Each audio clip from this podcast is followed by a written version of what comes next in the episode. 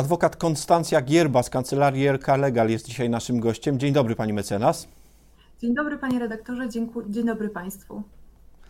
E, porozmawiamy o klauzulach e, zakazu konkurencji, jakie e, pracodawcy wpisują do umów z pracownikami. Czy ma to sens i czy jest niezbędnie potrzebne, pani mecenas?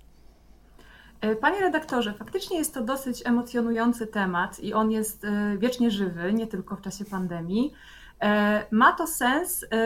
Zazwyczaj uważa się, że ma to sens głównie dla pracodawcy jako tej silniejszej strony stosunku pracy.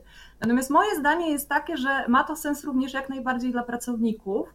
E, zarówno w przypadku tych umów o zakazie konkurencji jeszcze w trakcie stosunku pracy, bo takie też możemy zawierać, jak i tych umów, które zakazują konkurencji w momencie, kiedy umowa o pracę zostanie już rozwiązana przez jakiś określony czas.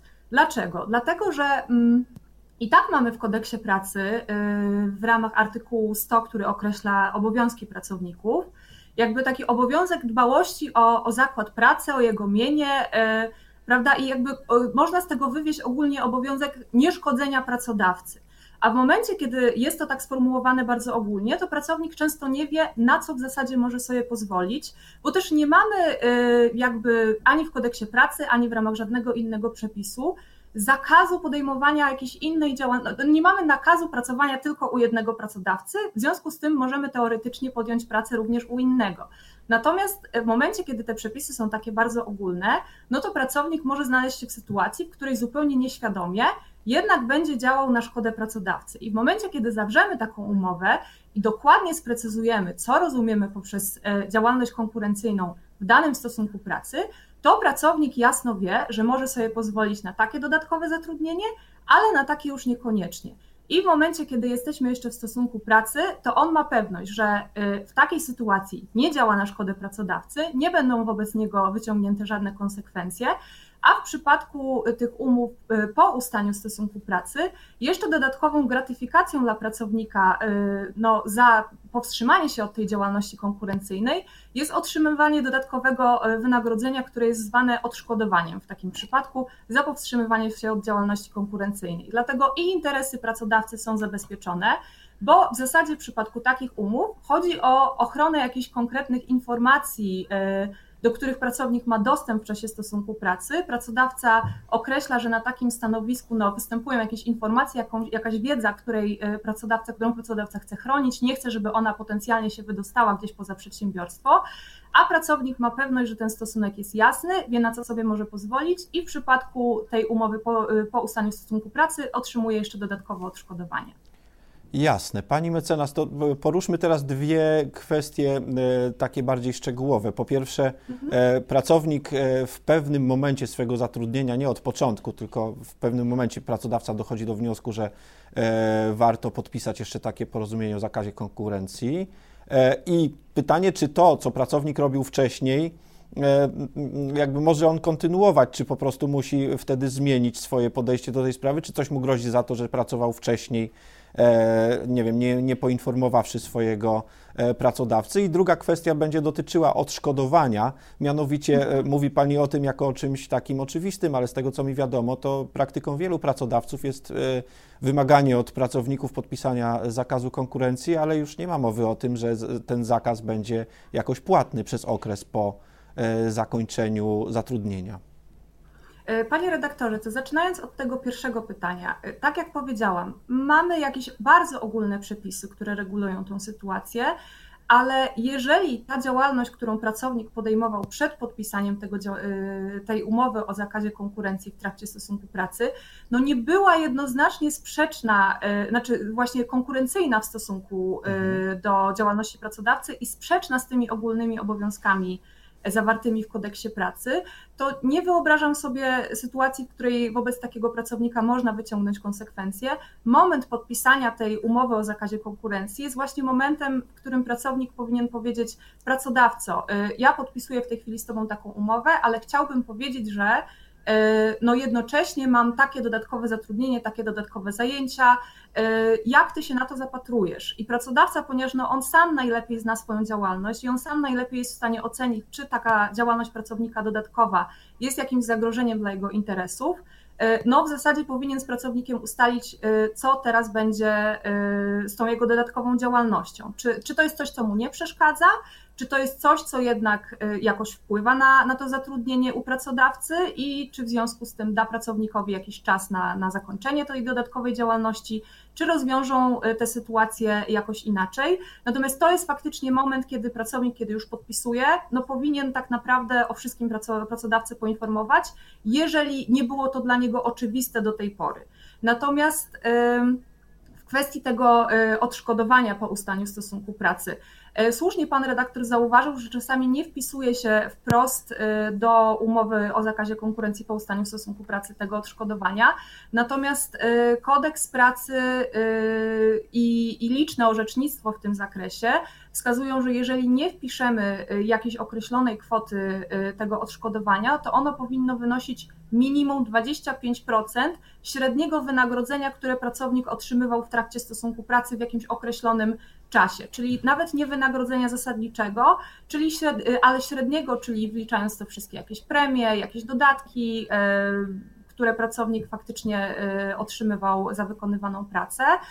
I jeżeli nie wpiszemy takiego postanowienia, to z automatu wejdzie to postanowienie o otrzymywaniu 25% średniego wynagrodzenia. Czyli nie uciekniemy od, jako pracodawcy od wypłacania pracownikowi odszkodowania, bo jeżeli pracownik pójdzie do sądu pracy E, pokazując taką umowę, w której takiej wartości odszkodowania nie ma, nie została ustalona, to otrzyma po prostu tą gwarancję e, z prawa pracy w wysokości tego minimum 25%.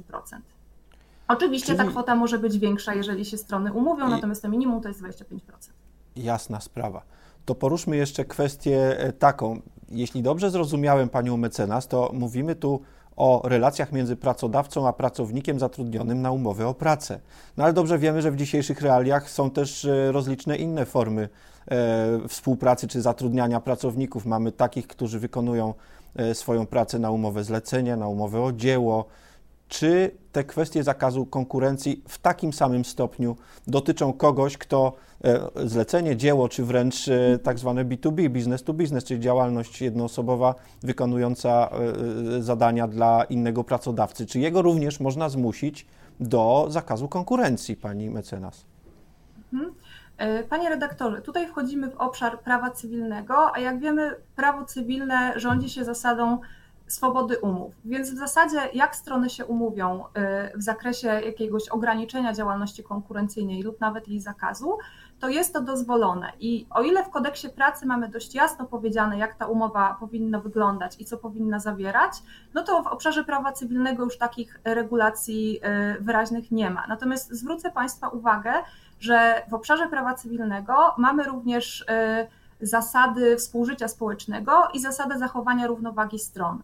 I z tego względu bardzo często się przenosi trochę te zasady y, z kodeksu pracy na ten obszar właśnie cywilnoprawny, z tego względu, by nie doszło do, do zachwania, zachwiania tej równowagi stron i nałożenia na y, właśnie zleceniobiorcę czy, czy współpracownika na B2B obowiązku y, powstrzymania się od działalności konkurencyjnej względem tego zleceniodawcy, czy, czy, czy y, właśnie współpracownika tego powiedzmy większego na B2B, E, I e, wskazuje się, że on również powinien za to otrzymywać wynagrodzenie, za to powstrzymywanie się od działalności konkurencyjnej, bo inaczej doszłoby do sytuacji, że ta osoba byłaby pozbawiona możliwości zarobkowania w jakimś obszarze, w którym, jeżeli mówimy o o osobach e, pracujących na B2B, to są zazwyczaj osoby wyspecjalizowane w jakichś konkretnych obszarach. I doszłoby do sytuacji, że, on, że te osoby nie mogłyby w tych obszarach, w których przecież są specjalistami, współpracować i nie otrzymywałyby za to w zasadzie żadnej rekompensaty. Więc e, jak najbardziej prawidłową praktyką jest e, też ustalenie jakiegoś określonego odszkodowania za powstrzymywanie się od działalności konkurencyjnej i też spogląda się w stronę tego kodeksu pracy, że taką no, godziwą rekompensatą jest minimum 20% tego, e, tego wynagrodzenia, które te osoby otrzymywały jeszcze w trakcie trwania tego stosunku prawnego. Innymi słowy, osoba zatrudniona na umowie o dzieło która e, będzie podpisywała umowę o zakazie konkurencji, gdy już dojdzie do zakończenia współpracy z takim pracodawcą, również, jeśli dobrze rozumiem, może spoglądać w stronę kodeksu pracy i liczyć na to, że ewentualne powództwo przeciwko byłemu pracodawcy o takie odszkodowanie przyniesie skutek. Dobrze rozumiem? Jest dosyć silna linia orzecznicza, która wskazuje, że niepłacenie właśnie e, osobie, która przyjęła do wykonania dzieło, czy zleceniobiorcy za e, zakaz konkurencji już po zakończeniu tego stosunku prawnego, jest uznawane za, za, e, za nieważne. No mamy tutaj postanowienie nieważne, ale w zasadzie ono godzi jakby w całą istotę tego stosunku, no bo ta druga osoba nie dostaje żadnego świadczenia, za swoje świadczenie, które polega na tym, że no ona powstrzymuje się od, od działalności konkurencyjnej przez określony czas. Co jest zazwyczaj też charakterystyczne dla tych e, umów o zakazie konkurencji nie w stosunku pracy, to jest wpisywanie kar umownych. Tutaj faktycznie, e, no za złamanie tego zakazu konkurencji. Jasne. Tutaj faktycznie e, zleceniodawcy czy, czy współpracujący znacznie chętniej sięgają po takie środki, żeby zdyscyplinować tę osobę, no, która się zobowiązała do tego powstrzymania, do tego, żeby ona faktycznie tego zakazu powstrzymała. Y, powstrzymała się od, y, tak, działalności konkurencyjnej. Od tej tak. działalności.